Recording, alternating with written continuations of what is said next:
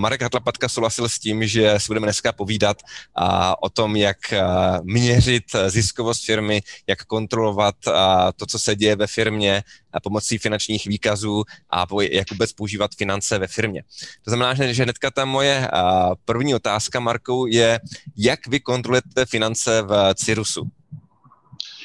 Tak uh, zdravím všechny, děkuji za slovo. Bohužel teda uh, neslyším úplně dobře, ale pokusím, pokusím se, když tak odezírat zertu nebo, nebo nějakým způsobem odpovídat podle toho, co si myslím, že říkáte. Nicméně první otázku jsem slyšel. A víceméně používám standardní e, metriky e, finanční, které zná si každý a které najdete v každé učebnici, ale jako vždy ten ďábel tkví obvykle v detailu, a čili asi nepřekvapím tím, že takové ty nejzákladnější, které používáme jak u nás ve firmě, tak třeba i v rámci oceňování firm, a tak jsou různé úrovni ziskových marží a také různé ukazatele stability. A u těch ziskových marží tam ta situace je na první pohled o něco jednodušší, je to relativně jednoduchý ukazatel. Já v, mám ve zvyku, a to se týká vlastně víceméně všech těch finančních ukazatelů, a tak se snažit vždycky jít co nejvíce do hloubky, protože vždycky, když máte na stole nějaké číslo, tak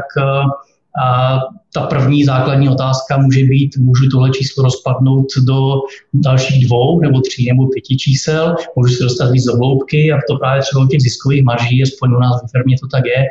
tak se víceméně můžete dostat opravdu až úplně na toho jednotlivého zaměstnance, takže my v, v té praxi používáme jak ziskové marže pro celou firmu, pro pobočku, pro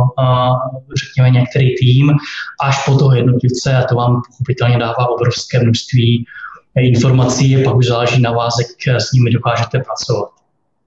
U ukazatelů rentability tam ta situace, bych řekl, je o dost komplikovanější. A když si otevřete možná nějakou učebnici v finanční analýzy, tak a aspoň já teda se často zhrozím, protože se často dozvíte, že rentabilita vlastního kapitálu je teda čistý zisk vůči nějakému vlastnímu kapitálu, tečka. A rentabilita celkových aktiv je čistý zisk, kolikrát v té učebnici napsáno vůči, vůči celkovým aktivům a, a ta informační hodnota takto sestaveného ukazatele si myslím, že je naprosto jako špat, mizerná a špatná a asi bych dokázal potom z účetních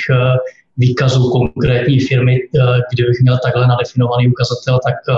eh, z toho udělat, když budu potřebovat 5% nebo taky 20% v závislosti na tom, jaký výsledek víceméně potřebuji. Takže tam je u těch rentabilit velice důležité hodně přemýšlet o tom, co chceme měřit, dbát na to, že eh, na straně čitatele máme tokovou veličinu, jako je čistý zisk, nebo v případě třeba rentability celkový aktiv by tam měl být určitě eh, nějaký upravený provozní zisk místo čistého zisku. A také se třeba jako hodně zamyslet nad tím, že v jmenovateli může být vlastní kapitál ze začátku období, může tam být průměrný, průměrný kapitál, a někdy taky objevíte i ten kapitál ke konci roku, což je samozřejmě naprostý, ve většině případů naprostý nesmysl. Mhm. A ta rentabilita toho kapitálu mě hodně zajímá a ta marže uměle Jo. Jedním třeba příkladem bylo, že si drželi sklad, který,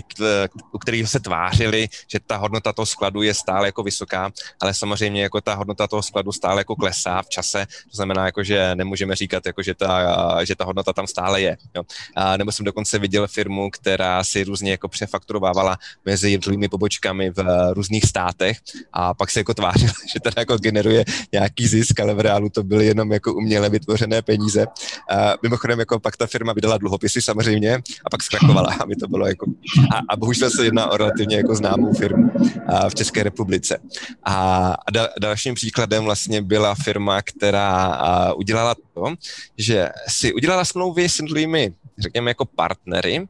a kde byla různá protiplní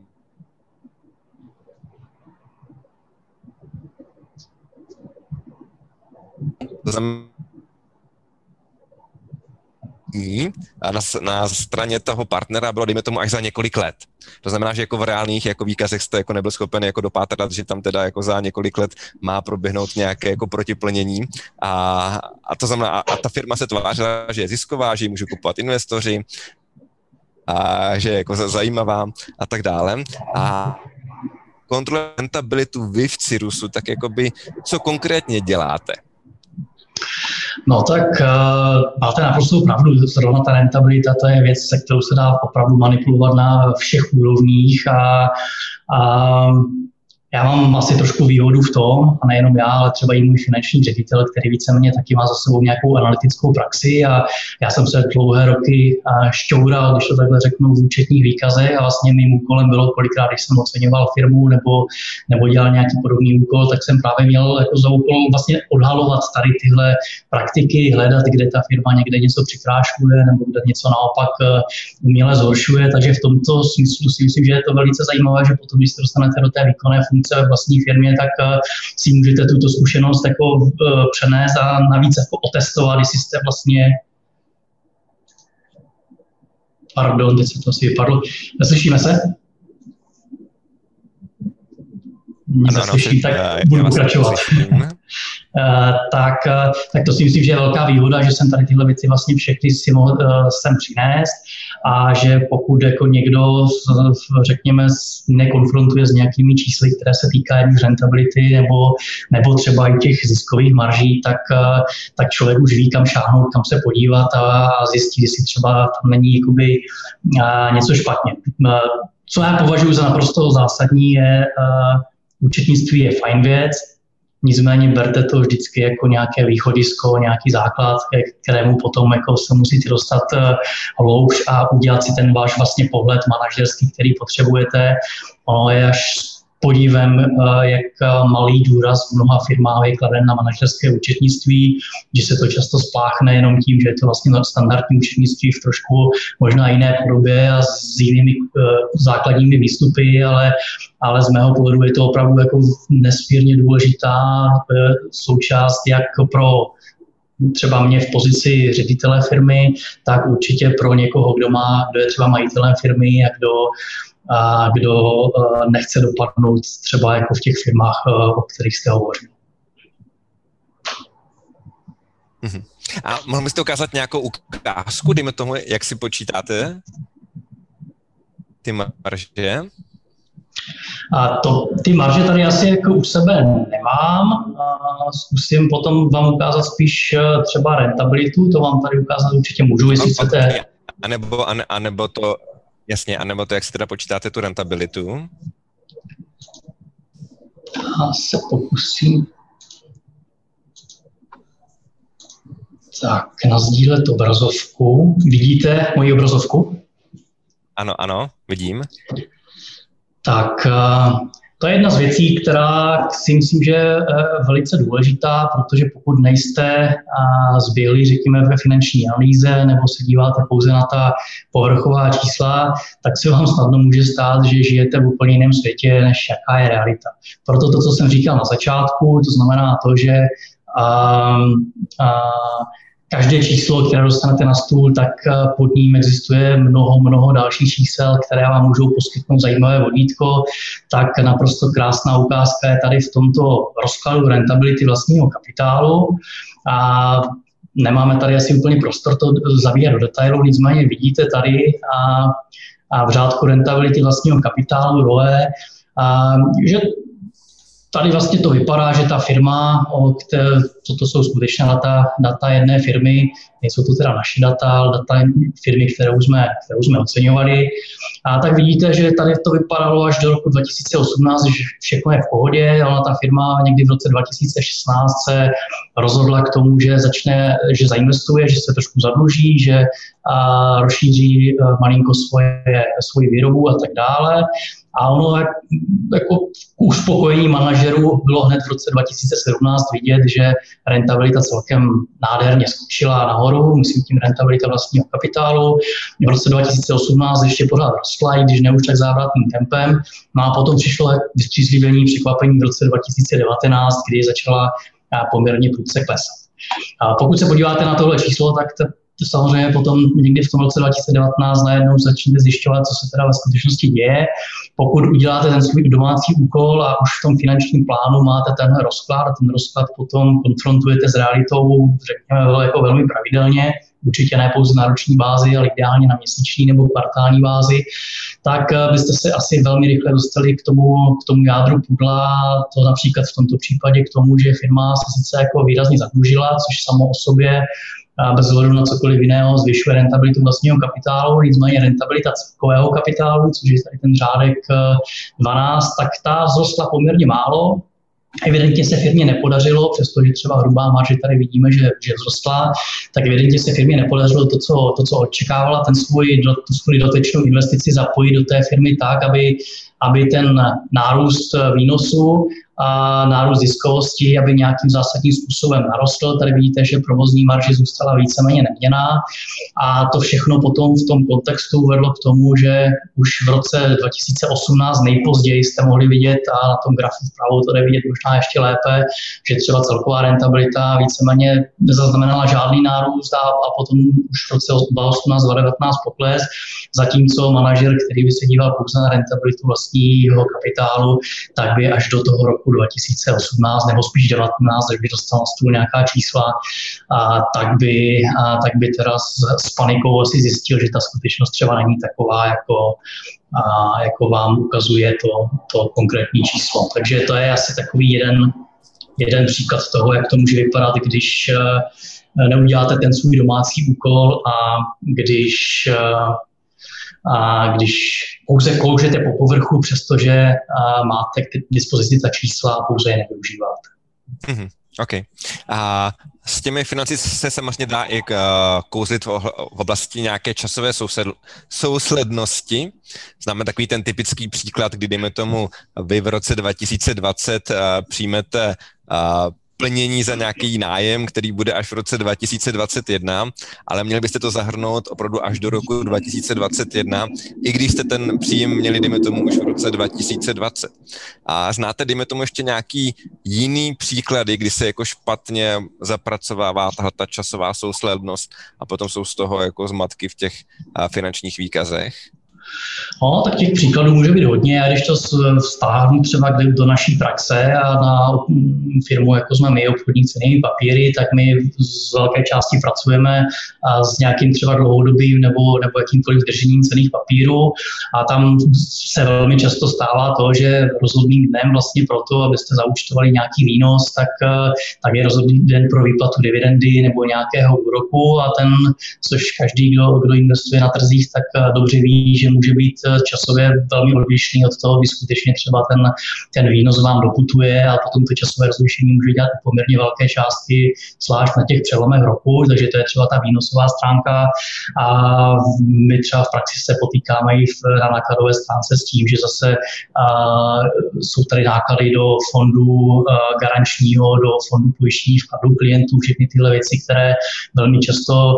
spadají do nějakého účetního období, přestože fakticky třeba patří do toho, do toho jiného účetního období. Proto zase znovu jako bych eh, zdůrazňoval ten manažerský pohled, to, to manažerské účetnictví, které by si tady s tím lepším eh, mělo poradit a mělo by vám dát ten reálný obrázek o tom, jak si stojíte, protože všechny tady tyhle časové nesoulady,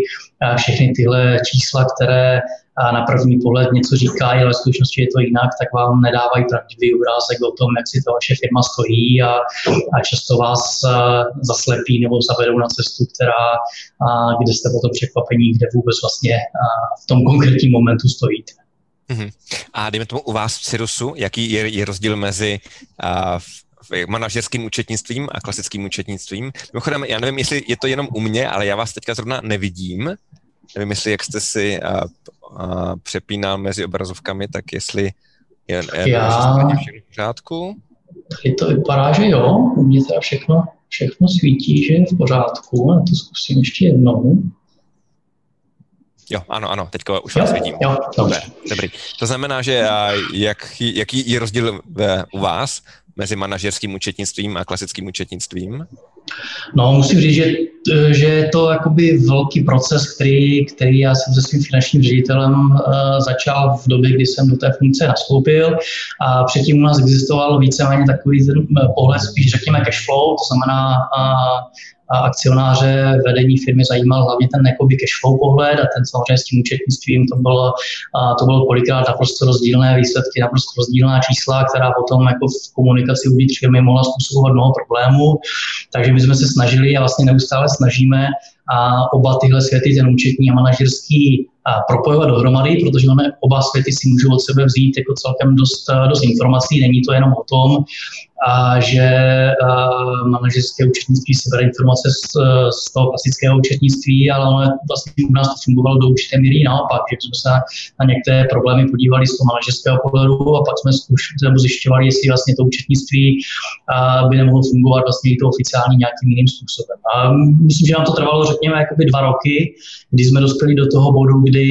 a dnes máme pochopitelně ten manažerský, ten klasický účetní pohled, ale vš- každé číslo je v tom manažerském plánu, tak tomu klasickému účetnictví je víceméně spojeno, jednoznačně učeno, víme řádek pořádku, o co jde a můžeme potom jako velmi rychle vysvětlovat třeba rozdíly, které když vám na stůl přistane účetní výkaz za minulý měsíc a vy vidíte, že oproti vašemu finančnímu plánu, který je založený na manažerském účetnictví, tak tam je nějaká velká odchylka, tak potom je poměrně snadné tu odchylku odhalit, kde, kde pramení a z jakého důvodu to vlastně je. Mm-hmm. Mimochodem, neuvažovali jste ve firmě přejít na uh, mezinárodní účetní standardy? A no, bránili jsme se tomu, do určité míry se tomu i bráníme, nicméně na druhou stranu ten vývoj jde stejně tím směrem, že nám vlastně nic jiného ani zbývat nebude do budoucnosti, takže my se na tady tenhle přechod víceméně jakoby už dlouhodobě připravujeme a, a v dohledné době tohle určitě nastane. A myslíte si, jako, od jaké velikosti se pro firmu vyplatí přejít na nějaké mezinárodní účetní standardy? A nevím, jestli dokážu říct úplně jako konkrétní číslo nebo, nebo konkrétní velikost podle nějakého měřítka. A já si myslím, že je to vždycky otázkou toho, a zdravým selským rozumem posoudit to, jestli se vám skutečně vyplatí, protože ono to je poměrně velká investice, nejenom do toho samotného technického přesunu, ale jak já to třeba vidím v praxi, tak je to poměrně velká investice do toho lidského kapitálu, do toho, že vaši účetní se musí všechno naučit, na všechno, na všechno přejít. A pokud jste firma, která, která zaměstnává jednu nebo dvě účetní, tak si myslím, že bych skoro řekl, že tuhle věc je dobré oddalovat, dokud, dokud to jde a jiné je to pochopitelně už v firmě, řekněme, té naší velikosti, která jako, řekněme, má obraty ve stovkách milionů korun a tam, tam, už, eh, tam už bych řekl, že ta situace protože stejně víte, že se tam jednou dostanete, tak je dobrý, jestli se na to připravovat dopředu a možná i dobrovolně do těch, na tím mezinárodní standardy přejít. A jaké tam vidíte jako výhody oproti českým účetním standardům? No, já bych nech, jako nerad mluvil za naše účetní, protože oni by ten pohled možná měli jako jiný, eh, jiný než já. Já osobně v tom vidím jako základní výhodu pro sebe eh, v tom, že eh, za ty roky, kdy já jsem valuoval vše možné firmy, tak to z 99% byly firmy, nebo možná z 90, abych nepřeháněl, byly firmy, které na mezinárodních účetních standardech byly. Byly to buď zahraniční firmy na burzách, pochopitelně, nebo i tuzemské firmy. Takže já jsem vlastně na to, na to mezinárodní uh, účetnictví tímhle způsobem byl zvyklý a potom naopak uh, i já, když jsem nastoupil do téhle funkce, tak uh, byly některé věci, které jsme si museli z účetní dlouho vysvětlovat, jakým způsobem vlastně fungují jinak v tom českém účetnictví a jak, uh, jak v tom IFRS, na které já jsem byl zvyklý. Takže já sám za sebe, pokud bych měl jako mít čistě tyhle osobní pohnutky, tak pro mě vlastně ten přechod je spíš pozitivní v tom smyslu, že, že konečně uvidím některé věci, které, které jsem zvyklý. A jak náročné pro vás jako bylo přejít na nějaký jako systém, kde máte, jak se říká, takový to single source of truth, a kdy máte jako jeden systém, ze kterého se berou všechna data a všechno se rozjde podle toho jednoho jediného systému? Bylo to velmi náročné. Nesporně to bylo velmi náročné, protože my jsme se, a to jako určitě musím přiznat, tak my jsme se ve firmě potýkali poměrně dost eh, s tím, že po firmě kolovala různá data z různých zdrojů. Bylo naprosto standardní, že jste měli prezentaci provedení společnosti, na které byli přítomní vedoucí veškerých možných oddělení a veškerých možných týmů a a viděl jste jednu prezentaci, kde vám tým A tvrdil, že jeho uh, výkony v těchto a v těchto uh, ukazatelích byly lepší než uh, výkony týmu B. A v zápětí se vystoupil člověk z týmu B a, říkal vám pravý opak. A ono to působilo opravdu mnoho problémů. Takže, takže z toho jsme měli velkou hlavu a byl to vlastně náš jakoby jeden ze základních cílů v momentu, kdy jsme začali víceméně budovat to manažerské účetnictví opravdu velmi důkladně a od znovu tak jsme se zaměřovali právě na to, aby jsme eh, ten jeden bod, jedno číslo, které eh, vlastně funguje pro všechny uživatele v rámci firmy, tak aby jsme jej měli a měli na konkrétním místě a nikdo nemohl opravovat s ničím jiným. Což si myslím, že se z velké části eh, podařilo. Měli jsme víceméně k tomu takový přístup, řekněme, ve smyslu že to, ta užitná hodnota toho čísla měla být maximální, nechci říkat bez ohledu na to, a jak, jak jakoby složité bylo nebo nebylo a to a získat vlastně to kvalitní číslo, protože někdy je to jako poměrně častá výmluva, že, že si řekneme, no tak to číslo ne, nezískáme, nebo si ho každý bude získávat nějakým způsobem, protože my jsme si k němu propracovávali strašně dlouho, takže jsme se snažili jakoby, a ve většině případů jít tou jakoby složitější cestou, ale mít to kvalitní číslo, přestože třeba bylo složité ho jej získat. A pochopitelně mnohokrát musíte udělat nějaký kompromis a, a mávnout rukou a říct, OK, tak pro tenhle účel nám třeba stačí tahle úroveň a, a tohle číslo. Ale dneska tam jsme a jsem za to strašně rád, protože a to obrovským způsobem snížilo vlastně takové ty, jako tu nejistotu, ty dohady, ty spory o to vlastně, jaká je realita. Mm-hmm. A tak to vám blahopřeji. Jak dlouho trval tady ten, ten jako přechod na ten single source of truth? Mm, určitě dva, dva a půl roku. Dva, dva a půl roku. A je to, dejme tomu, má to, to nějak jako naprogramováno, jako, že je to váš vlastní systém, nebo používáte nějaký cizí systém? Je to víceméně systém, který je cizí, ale který jako je, řekněme, cizí nějaká kostra. Do té kostry eh, jsme poměrně jako zásadně zasahovali, což eh, bych řekl, že v naší firmě je takový uh, řekl bych standard. My v mnoha ohledech jsme firma, která jako nepasuje úplně do všech rámků. My máme velký problém s tím, že když a například máme nějaký obchodní systém a,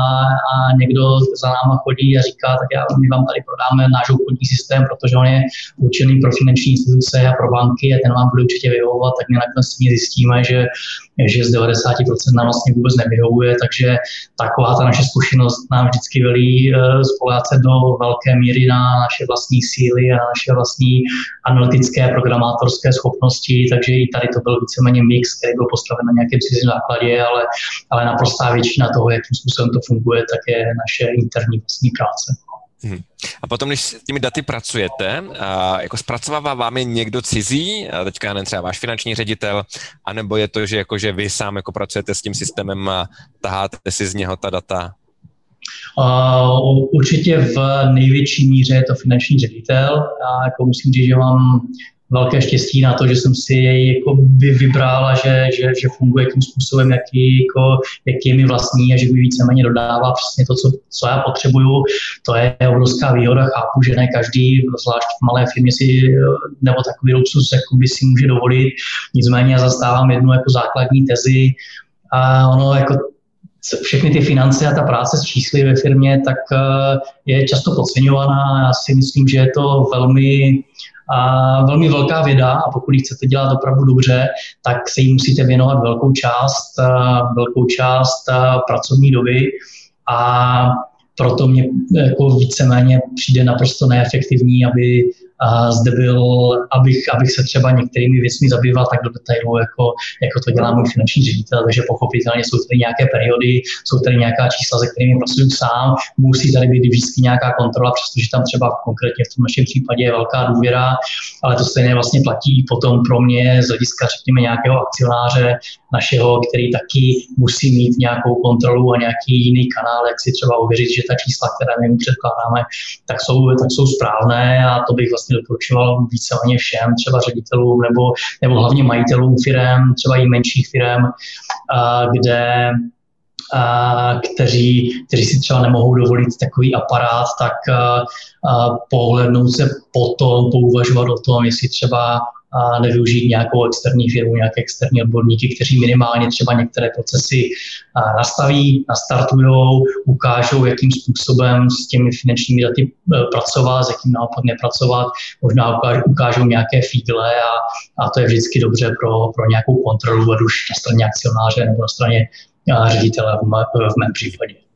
Jo. A jak jsem říkal, já jsem jako sám zažil jednu firmu, kde manažeři si vytvářeli vlastně umělý zisk, že vystavovali faktury, takže se to vypadalo jako, že a ty výnosy jsou stále jako vyšší a vyšší a brali za to jako bonusy a v okamžiku, kdy a teda to majitel zjistil, tak firma byla asi tak jako 14 dní jako před bankrotem. A to doslova že jako, uh, běhají vám tam výnosy, ale to cashflow tam jako žádné není. A jako máte vy nějaké jako triky nebo postupy na to, jak uh, vlastně jakoby kontrolovat ta data, jak, jak dělat nějaký cross-checking, jak jako odhalovat jako nějaký nepřesnosti, ať už jako záměrné nebo nezáměrné, protože jako uh,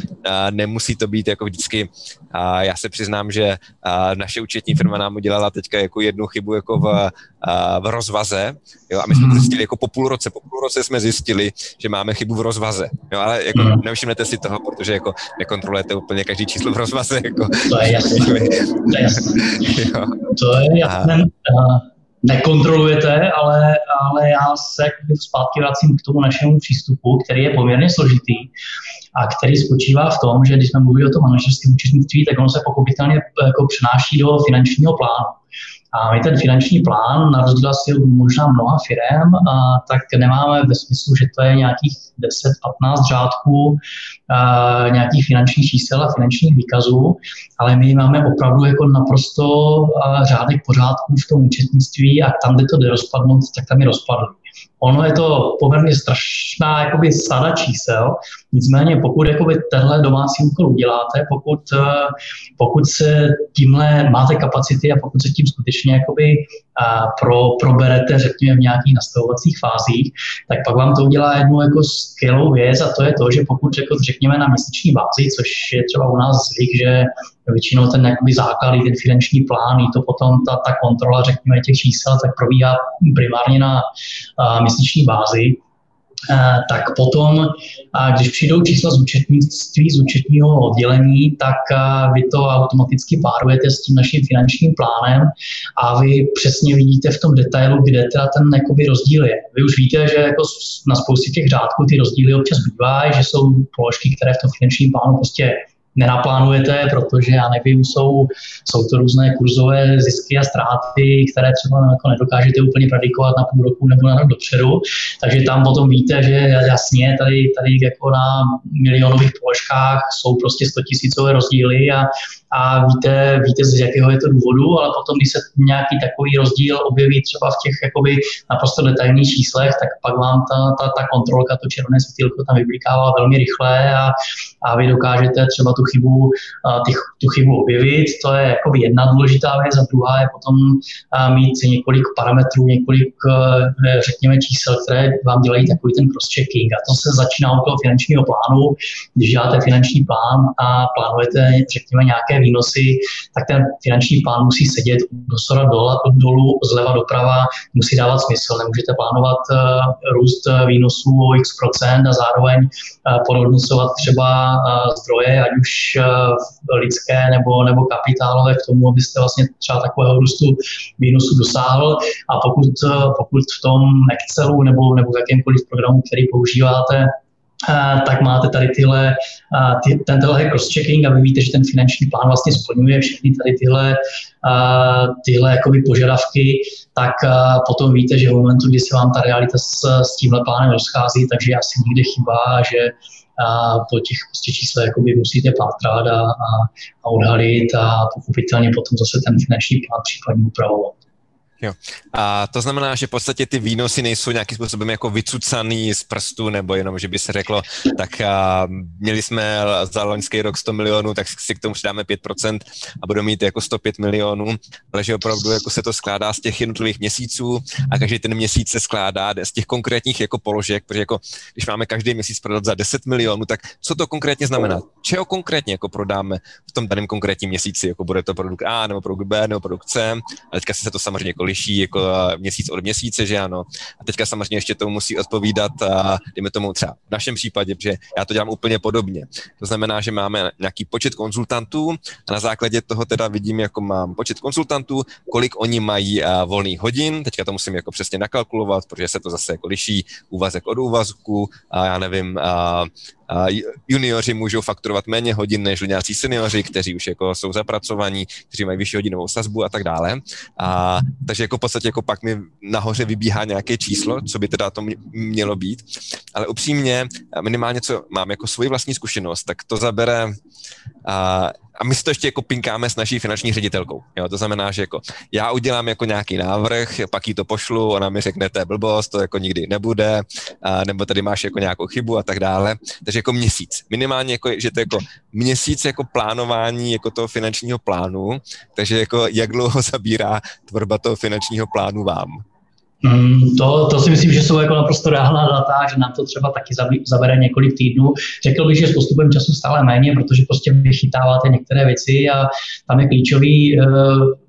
pravidelně s tím finančním plánem pracovat. To, to se stává a viděl jsem to v mnoha firmách, že ten plán sestavíte někdy prostě ke konci roku na příští rok a teď nějakým způsobem teda existuje, teď přicházejí ty data z, z reálného účetnictví a možná jako za půl roku se, nebo za čtvrt roku se na to podíváte a najednou zjistíte, že tam je spousta těch věcí jinak a že jste je možná jenom blbě naplánovali. Takže neustále, neustálý update, pokud možno samozřejmě co nejvíce automatický, to je jakoby jedna věc, ale ani to vám nepomůže v tom, že prostě toho času to jako zabírá hodně, ale to hodně je jako velmi relativní, protože kolik času vám to potom spoří v tom, že najednou máte jako relativně vysokou míru pravděpodobnosti, že nemáte nerealistické plány, že nějakou, nějaké své predikce, které které máte, takže jsou skutečně e, opřeny o nějaká tvrdá a reálná data, které můžete dosáhnout, nejsou to pouze nějaké vzdušné známky, to vám potom v tom výsledku já nebo z mé zkušenosti můžu říct, uspoří mnohem více času, než to, že několik týdnů vlastně víceméně sedíte nad e, nějakým finančním plánem a říkáte si, jestli to jakoby tohle dává smysl nebo nedává.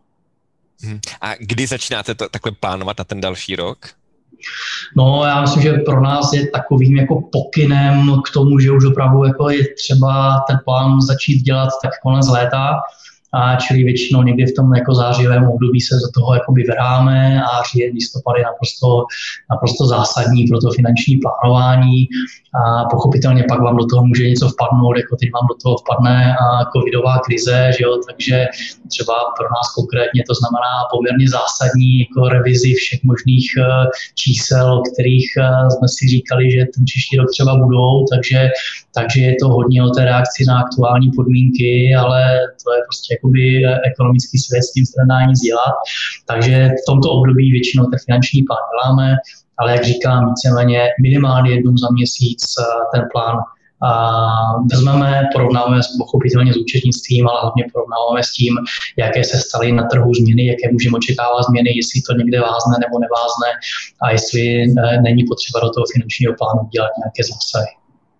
Mhm. A já jsem teďka viděl naopak jako opačný extrém, kdy Česká národní banka schválila vyvlastnění eh, menšinových akcionářů ve firmě PF eh, Nonwovens a to na základě jako finančního plánu, který si ten majoritní akcionář udělal na 14 let dopředu. Zdá se mi to jako, že udělat finanční plán na 14 let dopředu je jako eh, až jako moc a nejak dlouho jako vy děláte finanční plány dopředu. No, tak 14 let je opravdu hodně, ale jako já jsem se s tím pochopitelně v praxi také setkal a občas to dokonce udělat musíte, když jako oceňujete firmu a, a chcete opravdu tam například eh, zakomponovat eh, nějakou velkou změnu, která se teď udála a je to velký průmyslový podnik, který udělal velkou investici, která se bude odepisovat 15-20 let, tak celý ten cyklus jakoby nějakým způsobem potřebujete, chcete pokrýt, takže já jsem ve své praxi dělal 10-15 leté predikce, bych to spíš nazval, protože myslím, že plán je velmi jako velmi odvážný, odvážný termín, který asi tady není úplně na místě. Potom jako je naprosto nezbytné dělat scénáře. Jo? A to si myslím, že se také velmi často neděje. Pokud jako už chcete nebo potřebujete z nějakého důvodu dělat 10, 15, 7 letý plán, tak je třeba i dělat na základě nějakých scénářů, na základě nějakých předpokladů, mít pravděpodobnosti těchto scénářů, protože oni se můžou velmi, velmi odchylovat v takovém dlouhém období tam už může, může působit, nevím, exponenciální záležitosti, což možná teď jako aktuální téma i při té covidové krizi, kde jako se setkávám i v diskuzích s lidmi ve svém okolí, že vlastně vůbec nechápou, jakým způsobem se exponenciální čísla jako chovají a, a potom vlastně nechápou i některé, některé věci, některé opatření, které třeba v té, v té současné situaci jsou. Takže když se vrátím zpátky my máme naprosto detailní plán, o kterém jsme hovořili eh, na následující rok, to znamená následující 12 měsíců a potom existuje, řekněme, nějaký tříletý eh, plán a výhled toho, kam bychom se chtěli dostat v těch základních, jakoby, uh, základních kategoriích, základních intencích. No a my třeba konkrétně dál už nějakým jakoby, konkrétním způsobem ne, nemodelujeme, nepracujeme, máme nějaké vize, máme nějakou strategii, kam se chceme dostat za pět, za sedm let, ale zvlášť v našem biznise už eh, pokud by se to dávalo do nějakých úplně konkrétních čísel, tak už to už mluvíte spíše o nějakých pohádkách, o nějakých jakoby, představách, o nějakých, eh, nějakých opravdu vizích a, a tam už nevždy jste schopen to naplánovat tak, abyste si zatím stál a řekl, ale tak to, tohle je scénář, který jako má velkou šanci na to, že bude skutečně realizovat. Mm-hmm. A mimochodem, jako u těch exponenciálních jako čísel, a já teďka, jak jsem říkal, jsem v Řecku, a tady jako pětkrát méně covidu než v České republice.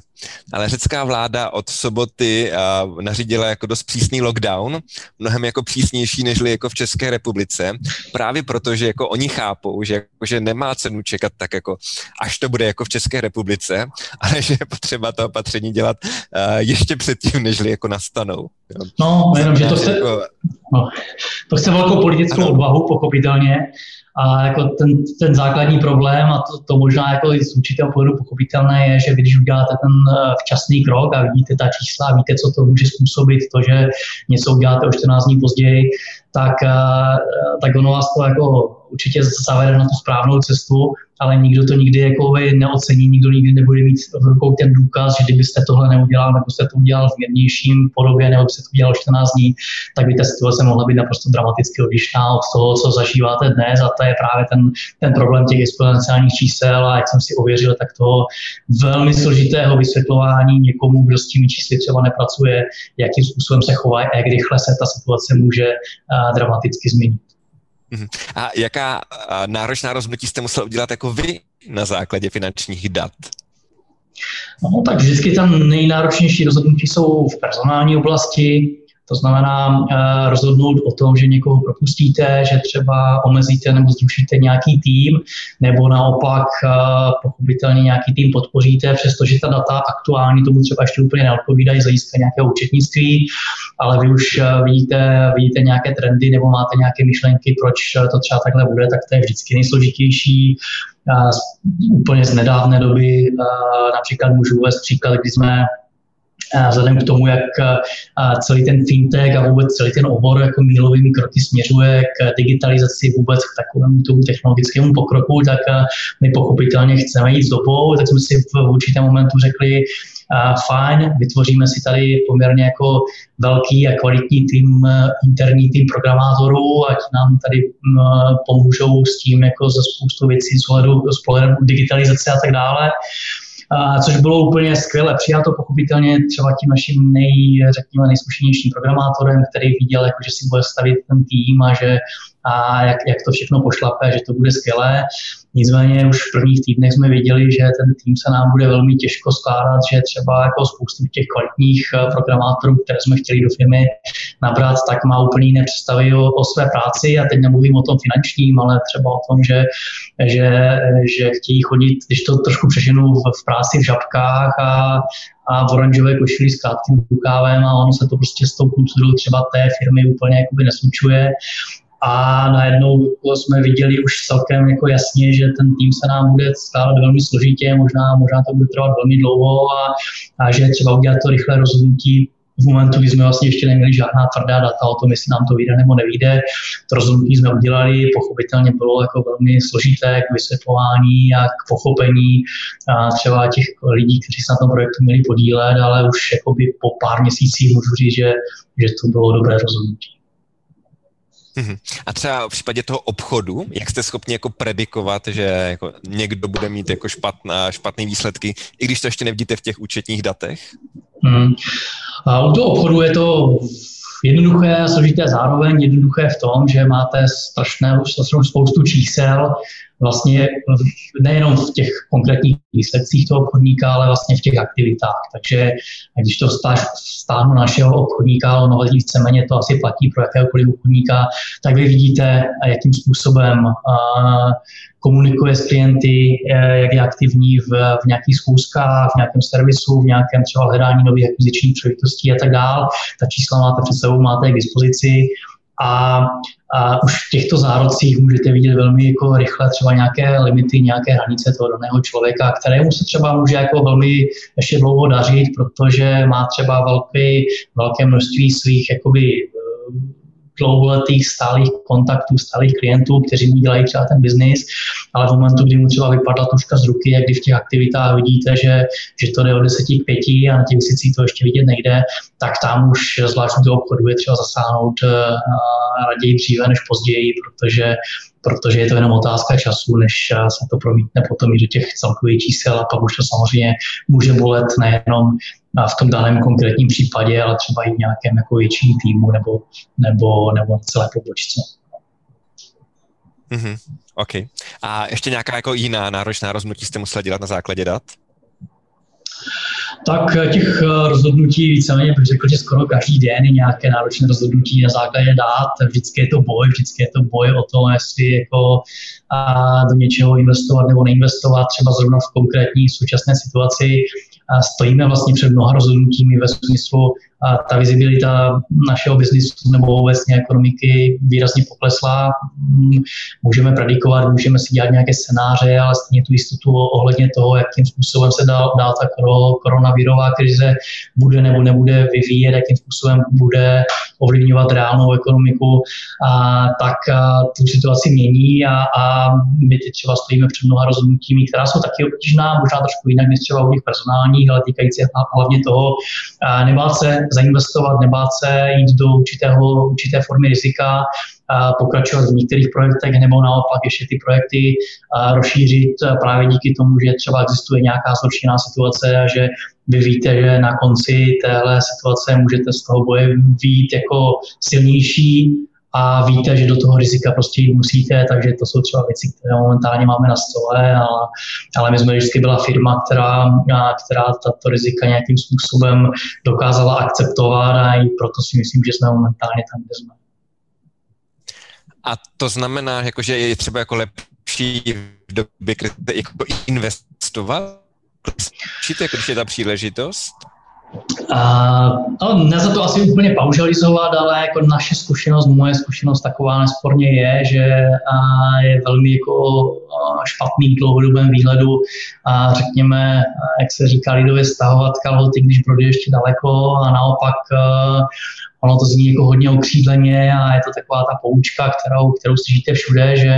že krize je zároveň příležitost. No, tak skutečně je, záleží, jaký, jak, jak, jak to uchopíte, záleží na to, jaké máte kolem sebe spolupracovníky, jak jsou schopní vlastně tady tyhle všechny myšlenky a všechny věci, které jsou zatím někde v mlze, tak jak, jak jsou schopni přetahovat něco konkrétního a hlavně musíte být připraveni na to, že spousta těch věcí nevíde, že spousta těch projektů prostě sfailuje a že a to není jenom o tom, že vyberete tři nebo čtyři projekty a všichni budou určitě, všichni určitě dopadnou dobře a pošlou vás někam jako na, na jinou běžnou dráhu, tak to v praxi nefunguje a ten, ta prohra a, k tomu patří a, a, ale musíte prostě tohle riziko podstoupit, pokud nechcete přešlapovat na místě. Mhm. OK, super. No, ta Studeniče. A vrátil bych se k otázce rentability vlastního kapitálu a celkového kapitálu. A kdy z vašeho pohledu je dobré používat první ukazatel a kdy ten druhý? No, já jsem poměrně velký zastánce toho používat spíš renta, rentabilitu šir, v širším pojetí, než pouze rentabilitu vlastního kapitálu. Pochopitelně záleží také na tom, v jakém, v jakém odvětví se pohybujeme, finanč, finančnictví třeba rentabilita celkového kapitálu nedává úplně smysl, ale když stáhnu, řekněme, na nějaký průměrný, možná průmyslový podnik, a tak z mého pohledu to východisko a to nejlepší ukazatel je rentabilita celkového investovaného kapitálu, což je takový jako pojem někde mezi rentabilitou vlastního kapitálu, rentabilitou celkových aktiv. Taková ta ROA, ta, ta rentabilita celkových aktiv mi připadá jako ukazatel, který je vlastně úplně ničemu. Ten vám, ten vám nic neřekne, protože v těch aktivech máte spoustu věcí smíchaných dohromady, je tam pracovní kapitál, jsou tam věci, které by tam vlastně vůbec patřit neměly. Proto je velkou úlohou vlastně třeba i toho, toho manažerského účetnictví, projít si ta účetní čísla a rozdělit si to, co je pracovní kapitál, co je investovaný kapitál, jakým způsobem vlastně ovlivňuje všechny ty položky potom toho zisku. A pokud tohle uděláte, tak, tak je ideální se dostat k tomu investovanému kapitálu, což úplně zjednodušeně můžeme říct, že to je vlastní kapitál plus, řekněme, nějaký úročený dluh nebo, nebo podobné, podobné věci, ale jsou z toho vyčleněny všechny ostatní všechny ostatní položky třeba v aktivech.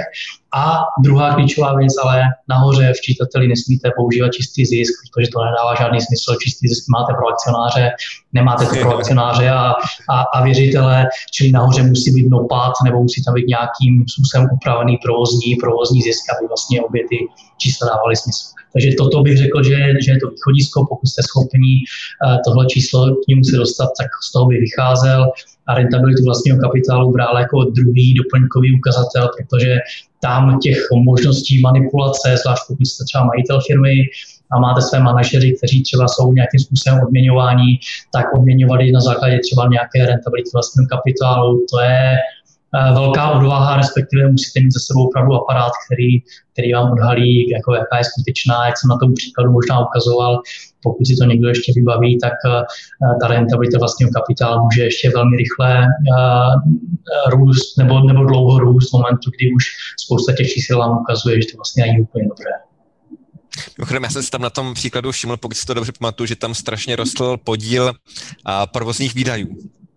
že to bylo možná tam, jako... Mm, tam to bylo určitě, pokud bychom se viděli po těch důvodech, proč vlastně tady ta investice nevyšla, proč to navýšení zadlužení vlastně se nepromítlo, promítlo se pouze v rentabilitě vlastního kapitálu a nikoli v, v té ROIC, tak bychom určitě dospěli k tomu, že mimo jiné a ta firma dost jakoby začala utrácet i za za, za ty administrativní náklady a tak dál a nedokázala je dostatečným způsobem přetavit v ten nárůst tržeb a v nárůst vlastně obratu a těch aktiv a proto vlastně tenhle faktor byl jedním z těch, který přebyl všechny ostatní, jak, kvůli kterému potom došlo k tomu, k čemu došlo. Mm-hmm. OK. Tak jo, Marko, já vám moc krát děkuji. A já tady mám pokyn, pokyn z naší redakce, že to připojení je, řekněme, jako ostrovní, a, mm. takže já se velmi, velmi omlouvám. Mám to ještě někde, OK, a ještě dáme jeden dotaz teda od Martina Studeniče. Jaké ukazatele používáte při posuzování investic? Při posuzování investic eh, my jednoznačně eh,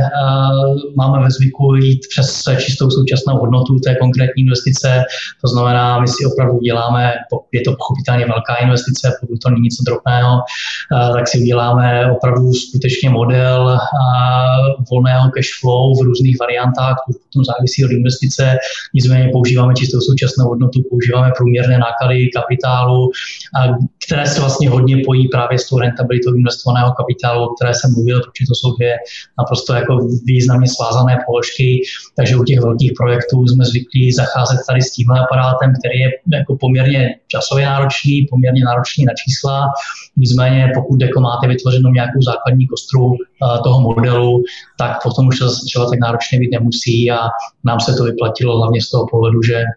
Jedině tenhle model vám může ukázat skutečnou realitu toho, uh, jestli, uh, jestli ten, ten daný investiční projekt má nějakou dlouhodobou perspektivu nebo nemá, i když pochopitelně i tady se můžete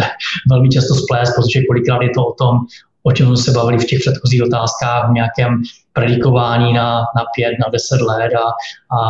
a tam vždycky jako může a nutně musí dojít k nějakým odchylkám a nějakým chybám. Mm-hmm. OK, tak jo, uh, moc krát děkuji. Uh, jak jsem říkal,